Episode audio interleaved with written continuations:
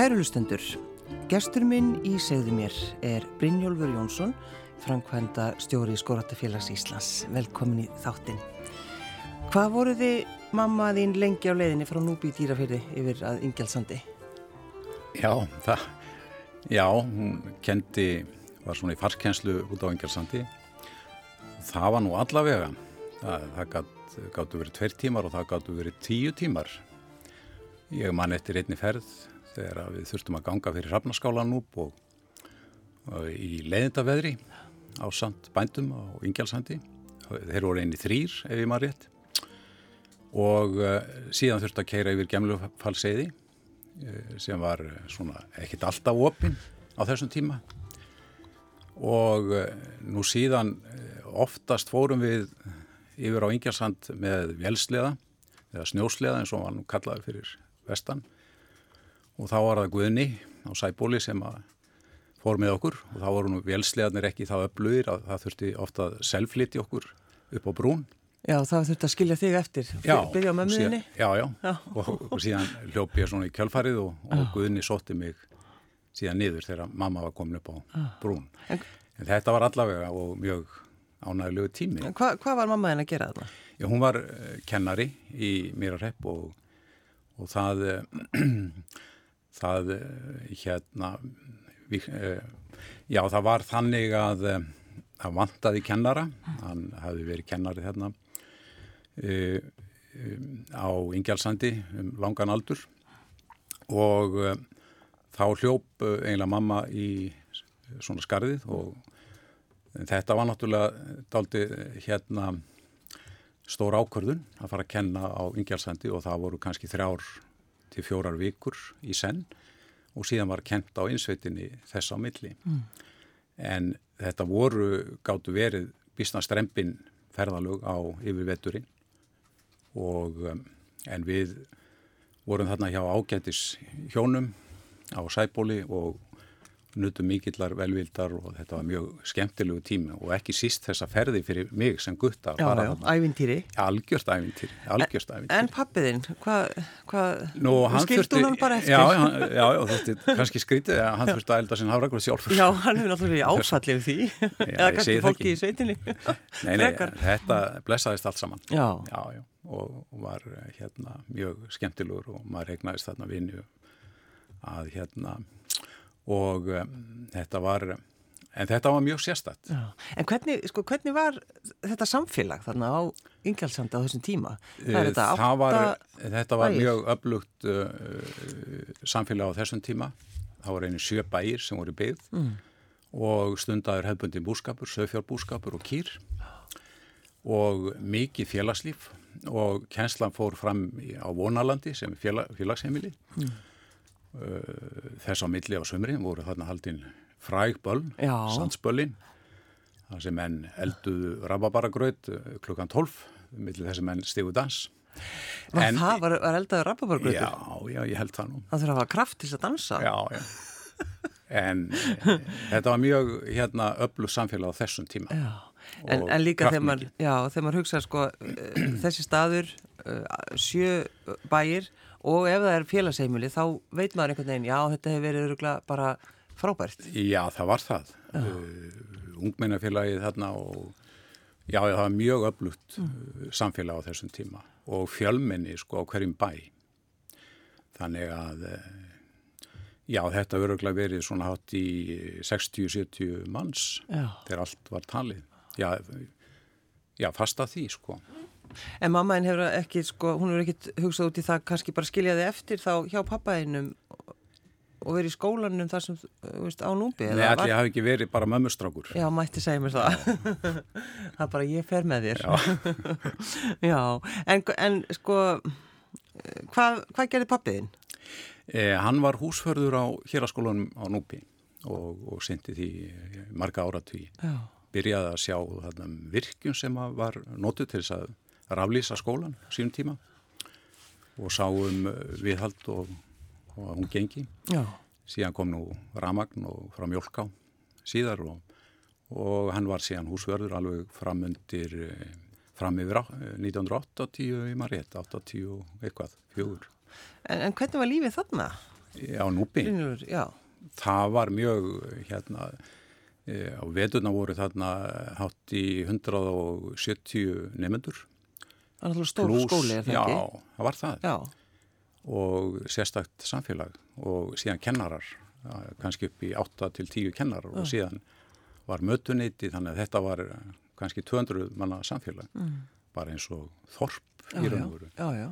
Mikið, mikið um að vera og hérna og mi, þegar ég er allast upp þá er mikið, mikið hérna í mikla framkvæmdir, það hefur verið að byggja þarna nýjan skóla, stóran skóla mm. uh, þannig að Er það skólinn sem er núna bara hótel eða eitthvað? Já, það er nú reyndar uh, komni nýjir eigundur þarna og ég veit nú ekki hvernig það verður en Nei. þetta var lengir ekki sem hótel, já mm. en Þetta er náttúrulega á rætur sínar að rekja til stopnanda Sigtryggs, Sera Sigtryggs Guðlöfssonar mm. sem stopnaði hennar skóla 1907. Já, og þannig náttúrulega kirkja líka, er það ekki? Já, já, já. þannig er kirkja og, og jafnvel sundlaug, það sem maður lærið að synda. Jafnvel. og uh, hún er, ef ég maður rétt, 8 metrar á lengt og 4 metrar á breytt eh, kynnt upp með olí á þessum tíma. Já. En, en hvernig var að alast þarna upp? Brynjum? Það var alveg dásanlegt. Maður var mjög sterkar og mikla minningar en það leitaði ég oft þarna vestur og við eigum hús þarna, þrjú sískin mm. sem við höldum við. Já, þannig að þetta er, þú, þú getur ekki sleft. Eh, Virðist ekki vera. Nei, hefur þú tilgang með því? Nei, nei, nei, alls ekki. Mm. Maður þekkir fólk þarna og hérna á mjög goða minningar Já. og hefur svona haft hobby líka. Já. En svo náttúrulega, sko þú veist, já Brynjólfur, hann er að vestan og þá mm. fer hann að sjálfsögðu í fiskvinnslskólan sem þú gerðir. Já, já, með félögum mínum. Já. Kanski fyrst og fremst svona elda þá en, en hérna, já það aðtökaðist hann, ég, ég kláraði fisk, fiskvinnslskólan 1980. Hva, hvar var þessi skóli? Á, hann var í Hafnafyrði. Já, já, hann er bara í, hérna í bænum og um, já, það, síðan urðu já, kúvending má segja mm. ég hitti frænda mín í útskrift um, þetta er að við kláruðum skólan þá vorum við að ferðum Noreg og ég heimsótti frænda minn sem bjóð þá í Svíþjóð Hjörleifur e, hétt hann, Sofaníasson og hann hafði alltaf verið svona mikill náttúrunnandi og náttúrufæðingur las mikið allt sem hann komst yfir náttúrufæðingin og skórattar, ritt og annað sem tengdist íslenskri náttúru þó ja. hann væri búin að búa um áratvíi í Svíþjóð og þegar ég kom heim til þeirra hjóna þá var ég einlega tekin í kjenslustund og, og uh, bara já, umsnúið.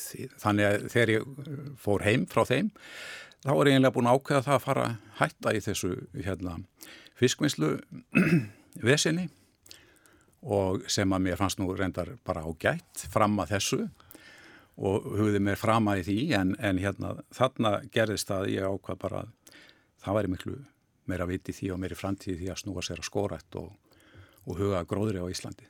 Það væri hægt. Já, það væri hægt. Já, hann samfærið mig um það. Já. Síndi mér þá kortum hvað væri hægt að rækta skó á Íslandi og hvaða tegundir og annað.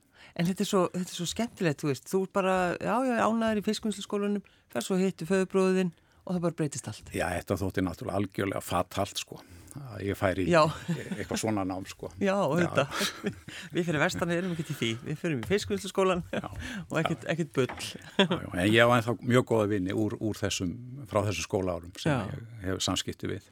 Já, já, mjög góði vinnir frá þessum tíma og, og fylgi svona aðeins með framvendun í því hvernig þetta, þetta er gjörbreytt uh, hérna, gjörbreyttur einaði frá því ég var þarna. Já, já.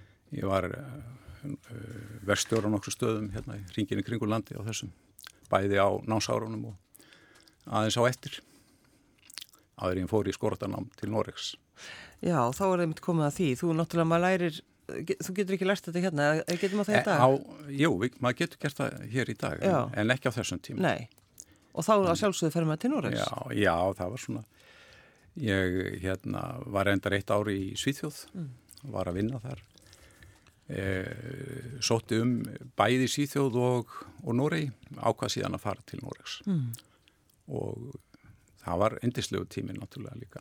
Kynast kynast raunverulegu skóum og Já. maður saknar þess nú stundum að, að svona upplifa þessa skóa, raunverulegu skóastemmingu sem maður kynntist og, og bara kultúrin að bakvið það. Sem er náttúrulega rosa mikið já, já, já, það, það er uh, náttúrulega uh, aldagömul stemming eða, eða uh, hérna það er aldagömul hefð og, og hérna reynsla þar á bakvið þannig að svona á og til þá svona horfið maður aftur til þess tíma þegar maður var í Nóri já á mjög góðu tími.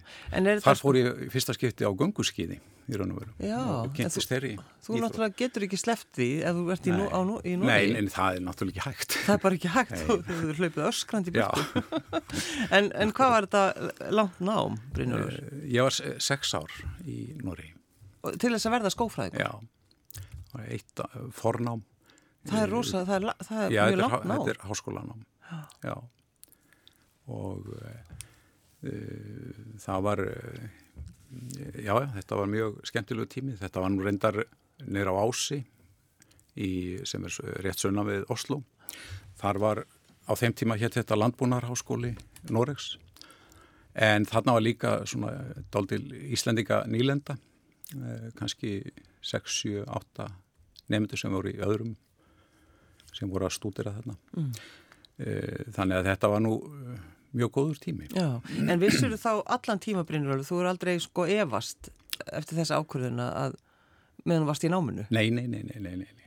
E, þetta var náttúrulega það sem bara maður tók mig bara, Já. algjörlega, maður hittlaðist af þessari hugssjón og ég hafði reyndar aðeins kynst þessu að gróðursetja.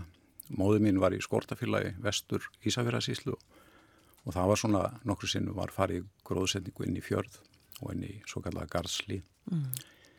en eh, nei, þetta er bara svo gefandi eh, rosalega gefandi þetta starf og, og eh, líka þó hægt farið þá sér maður árangurinn hægt og bítandi. Já, það er kannski, getur maður að tala um þessi sko langtíma markmið og hvað þarf maður að, að, að sko, hvernig manneskja þarf maður að vera til þess að Já, ég hef oft sagt þetta. það að það þýrt að vera meiri hugsun í íslensku samfélagi sem að horfi á svona langtíma markmið eins og skórækt er.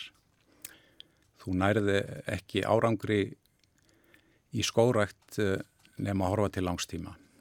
Eh, svo kvöldu vakstarlota trjátugunda skiptir áratugum, jáfnvel hundruðum ára. Þannig að eh, allt þetta starf er, já, þú þarfst að horfa langt fram í tíma mm. til að bæði að sjá árangurinn og til að skipulegja hlutina og það þarf að skipulegja þá vel. Já, já. En sko, þegar að skóratafélagið var stopnað fyrir já. 90 árum, já. hvernig var, hvernig var umhverfið? Það var náttúrulega allt annað samfélag eh, en eh, það eh, hefur öruglega haft mikil áhrif þessi sjálfstæðisbaráta mm. sem var þá í háugum og uh, hún uh, átti upptöksin líka í ungmennafélagshreyfingunni og hugmyndirnar margar komuð þaðan. En líka erlendis frá. Vestur Íslendingar höfðu mikil áhrif á það að skórtafélag Íslands var stopnað þeir höfðu upplifað það hvað, hvað gæði skóurinn gaf Já, í Kanada, í Kanada. og þeir voru að senda bref og tilmælum það að það ætti ég að vilja stopna skóratafélag. Er þessi breyf til? Já, já, já, þetta, þetta er allt dokumenterað og allt til. Og þetta var nú niðurstaðan að þarna uh, saminuðus mennum það að stopna skóratafélag. Það hefði reynda verið stundu skórækt mm. af, uh, við erum undir dönum á þessum tíma.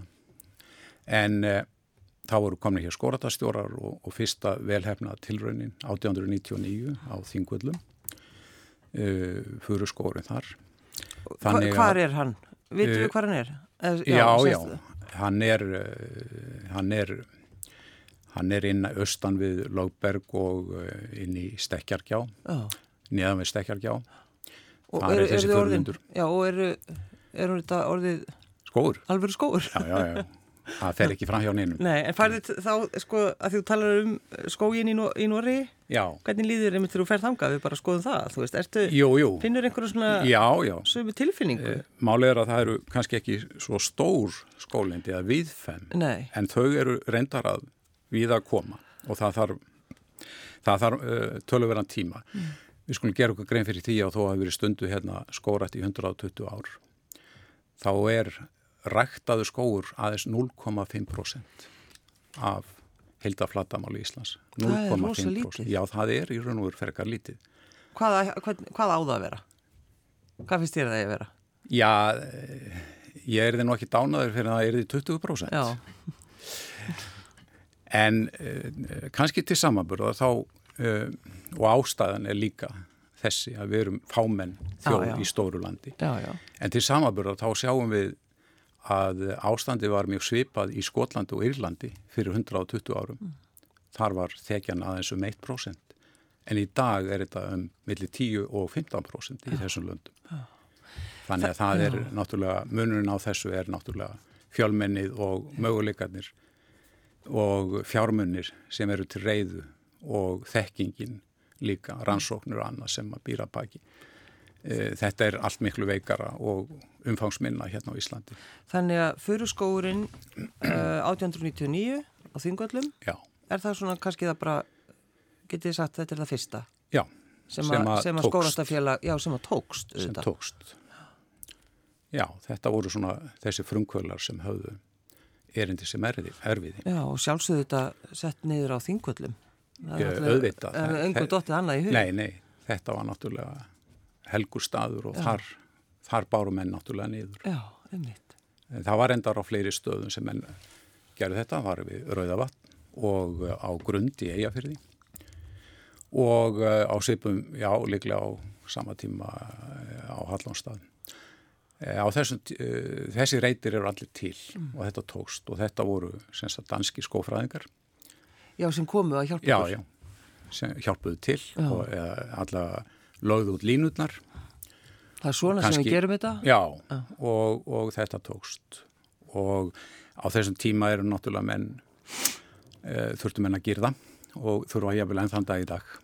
Já, var- hvað út af, Já, sögkendin hérna eh, hefur sitt að segja Jú, í jú, þessu akkurat. og, og hérna þarf að þetta voru mjög í öflugar gyrðingar sem voru gyrtar í kringu þessa reyti. Mm. Mm. Við sjáum ennþá merki þessara hérna gyrðinga staurana. Þetta Já. voru mjög öfl- öflugar gyrðingar á sín tíma.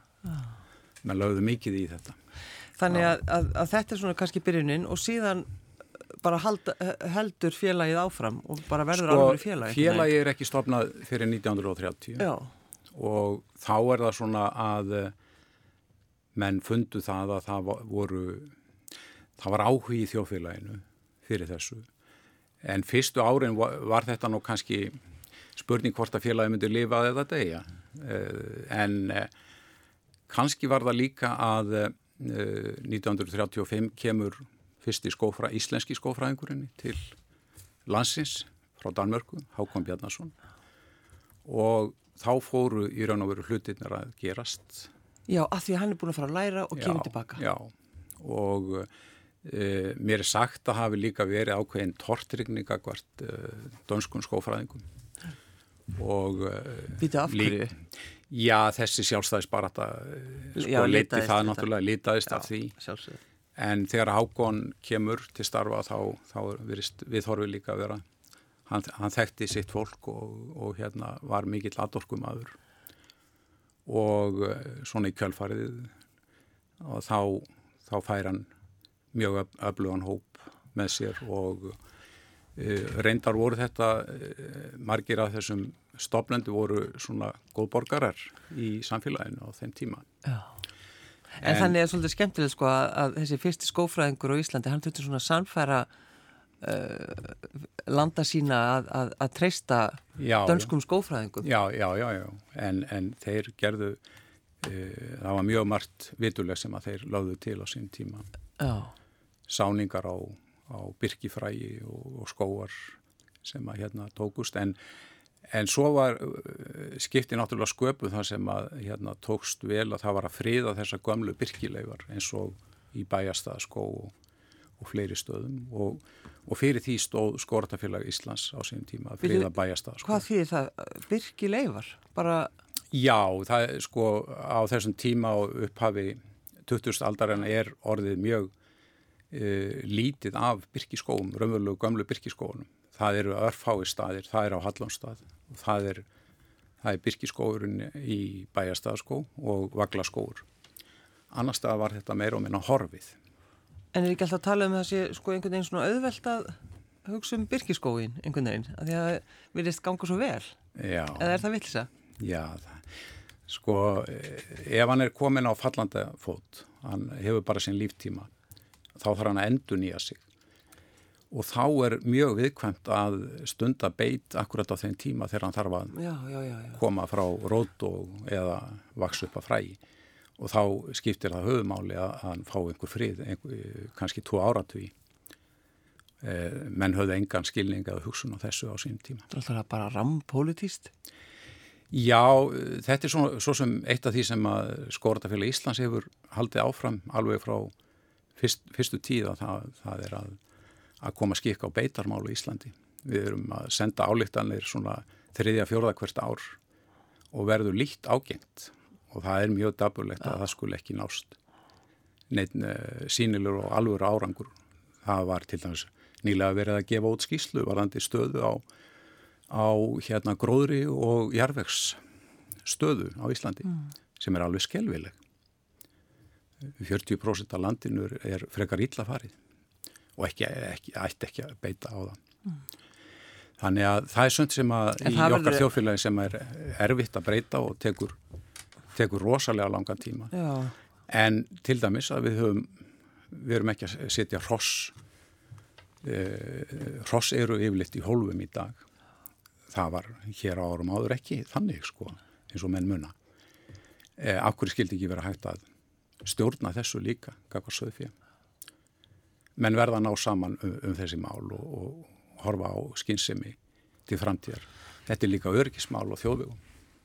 Já, já, það er alveg eitt. En er þetta ekki alltaf, þú veist, þið talið um þetta í rauninni á hverjum stári? Jú, jú, jú, jú, jú, og verður líkt ákend, eins og ég segi, því mjögur. Já, en svo náttúrulega, eh, sko, sjálfbóðastarfið, þetta er náttúrulega bara, sko, skórattafélag Íslands, er það ekki það bara byggt á því? Algjörlega. Það er bara þannig, þú ert ekki, þú ert bara, ef þú hefur áhuga skóra, þá ferði í þetta félag. Stjórnin hjá mér fær ekki krónu borgaða. Nei. Ha, og þannig er það alls staðar í þessum aðeldafélagum okkar. Þetta er allt sjálfbóðastar. Og það eru 60 félag hérna á Íslandi, 7500 félagsmenn vísvegarum land, allt í kringur landi. Mm. Allt þetta góða fólk sem er þar í forsvari. Uh, Eh, náttúrulega misjaflega virk félögin.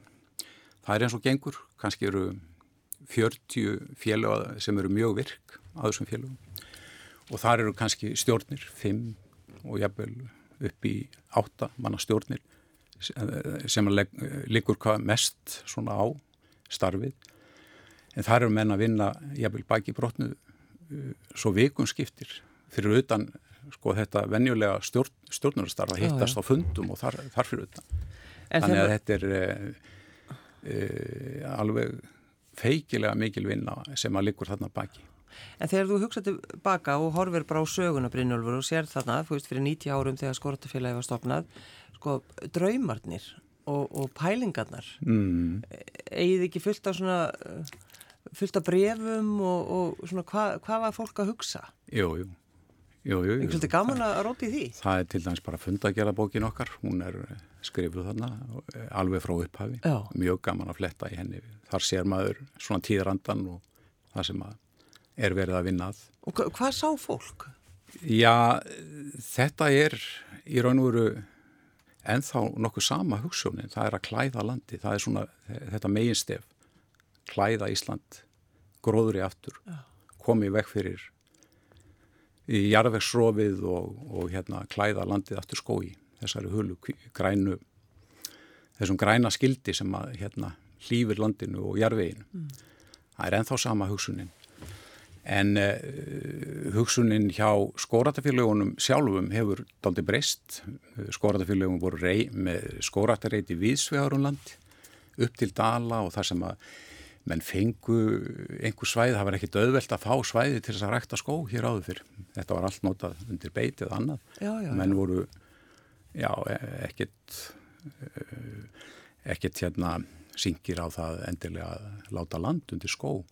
Já, En- fannst það kannski bara sá engan tilgang í því? Nei, í raun og veru ekki. Nei, og konur sem að vildu hafa einhver, einhver garsnefil í kringu sig þær þurftu ótt að berjast alveg með kjaftu og klóm fyrir því að hafa kannski tíu fermetar reit í kringum bæina. já, þess að setja niður kartaflur og kál. Já, en að því að nefni sko áherslunar hafa vissulega breyst sko. Eh, Við skóratafélagun eru fyrst og fremst kannski núna að huga að útivista skórat. Útivista skórat fyrir almenning í nágræni við þjettbílið. Og það er þar sem að skóratafélagsreifingin hefur einbytt sér að, að það var til hugtak og, og skilgareininga á bakvið svona græna trefla hérna í lok uh, síðustu aldar Grænir við- grænir treflar. treflar. Það er að segja að rækta skóa í kringum þéttbílið hér á höfuborgarsvæðinu. Þetta er nú reynda komið inn í svæðiskipulag höfuborgarsvæðinsins. Græni Þannig að- trefillin. Þannig að við erum að sjá, sko, ef við erum Já. að fljúa yfir, þá erum við að sjá Já, svona græna trefill. græna, græna trefla út Já, um allt. já. Já, Uh, og þannig um, þetta var til hér á höfuborgarsvæðinu og, og nú viljum við sem sagt færa þessa hugsun út í allt þéttbíli í kringum öll þorp. Og í raun og veru ef þú ferðast um Ísland þá sérðu í raun og veru þetta er að, er að gera sig. Alls það er í kringum þéttbíli á Íslandi eru einhvers konar skóaritir og það er eiginlega það starf sem skóratafélagun hafi verið að vinna að síðustu 40 árin. Mm. og það er, það er náttúrulega tilgangurinn er að að eh, menn geti stunda þarna útivist og uh, þarna er skjólið, hlýfa byggðinni og uh, það er svo hérna ótal marg sem að sem að kemur með skói sem vex upp og það hérna verður svo, já það þarf ekki endilega að stunda einhverjar hérna keppnisýþróttir eða þvílikt, þú getur líka bara notið þess að vera úti í rólehittum, notið þess að að stunda þína rólegu gönguferð eða með, fara með hundin eða, eða bara leggja í, í einhverju rjóðri Já. og njóta þess að vera til. En það er Stunda þessa núvitund eins og talaður um og, sem, já, já, og þannig erum við líka að styrkja og, og hérna, leggja grunnað betri líðhilsu fyrir landsmenn. Já. Já, já. En sko, e, að því þú talar einmitt um hérna útivista skó, skóraktina og þá hugsa maður bara, já, kjarnaskóur, er það ekki Jú, gott dæmi? það er ein Það uh, sem þeir mesta perla. Já, það sem erum á, landsins. á gönguskýðum og, Þeir eru- voru ákveðni frumkvölar í því að byggja upp svona innviðina. já, innviðina í skóinu sem í raun og veru þarf og er nöðsynlegt til þess að fólk fari að færa sig út í skóinu. Það er að leggja stígana og grísja skóin og setja upp bekki og vera með kannski einhver leiktæki jafnvel.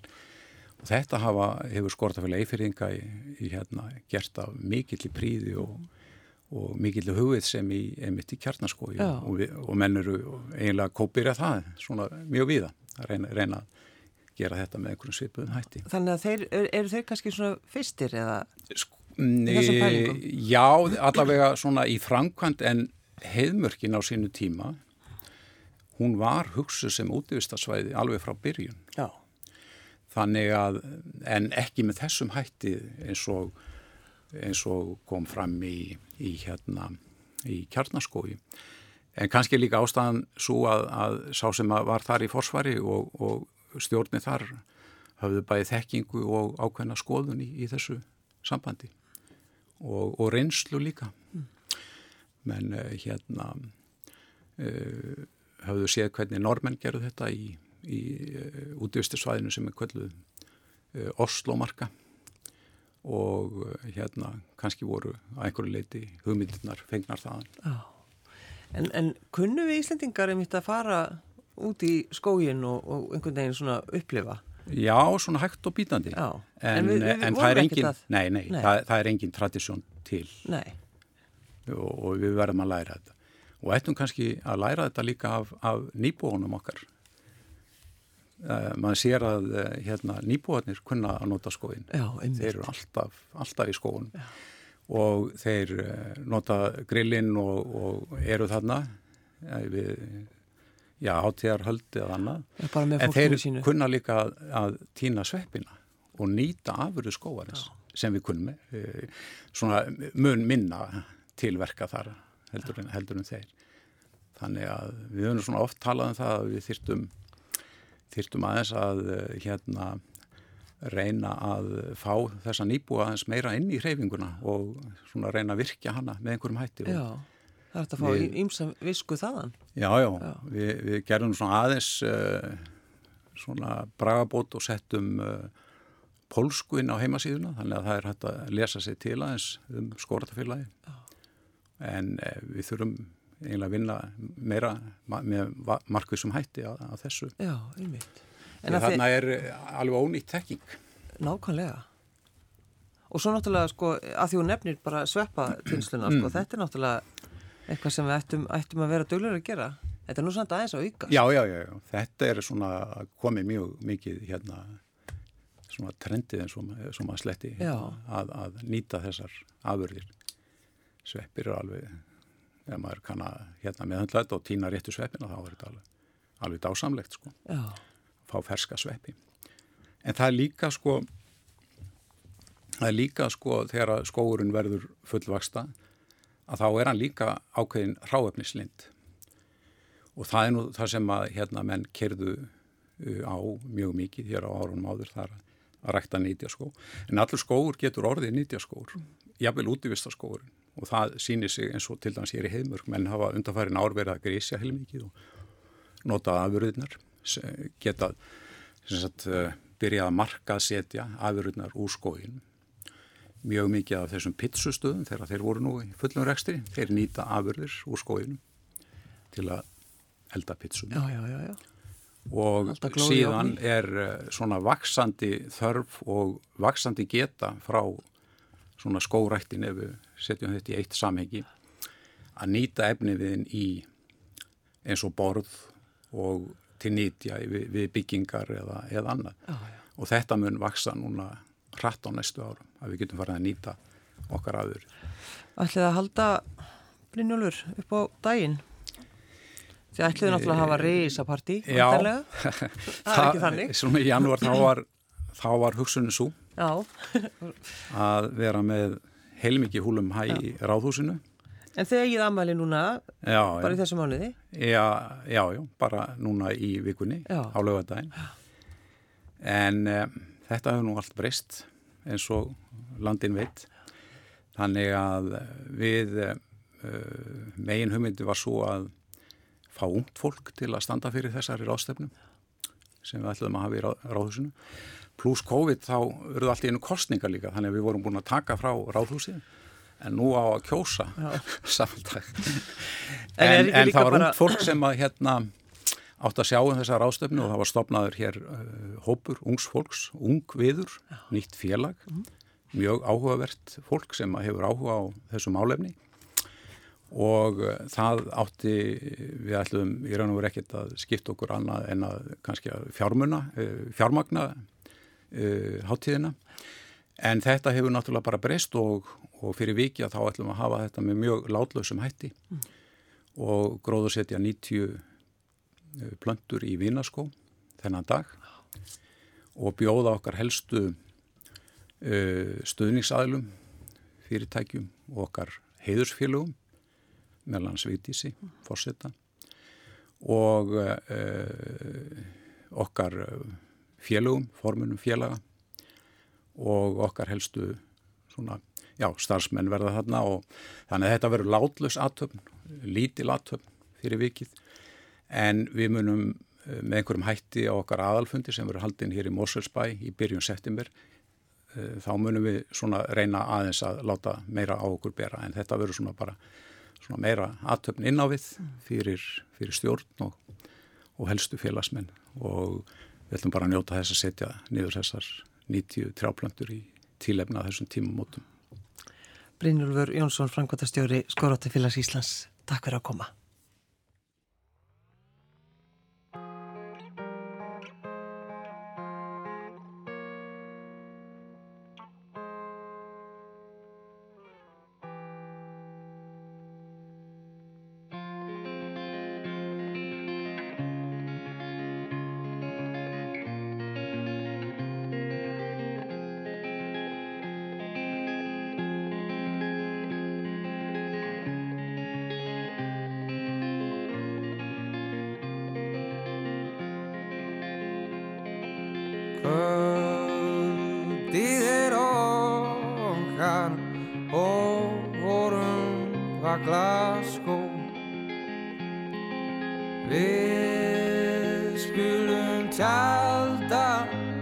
Í grænum berjamó Leitum við vínum í lundin frá í gær. Lindin þar niðar og virkir Ísland græn. Leikur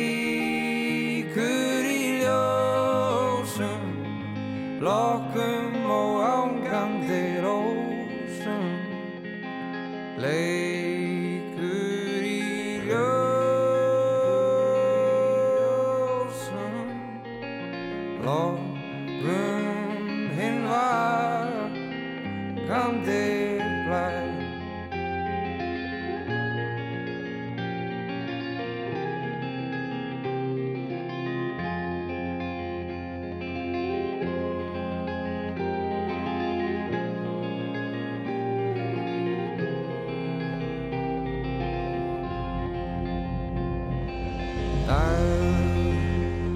Hertur glítra um dalinn færist dró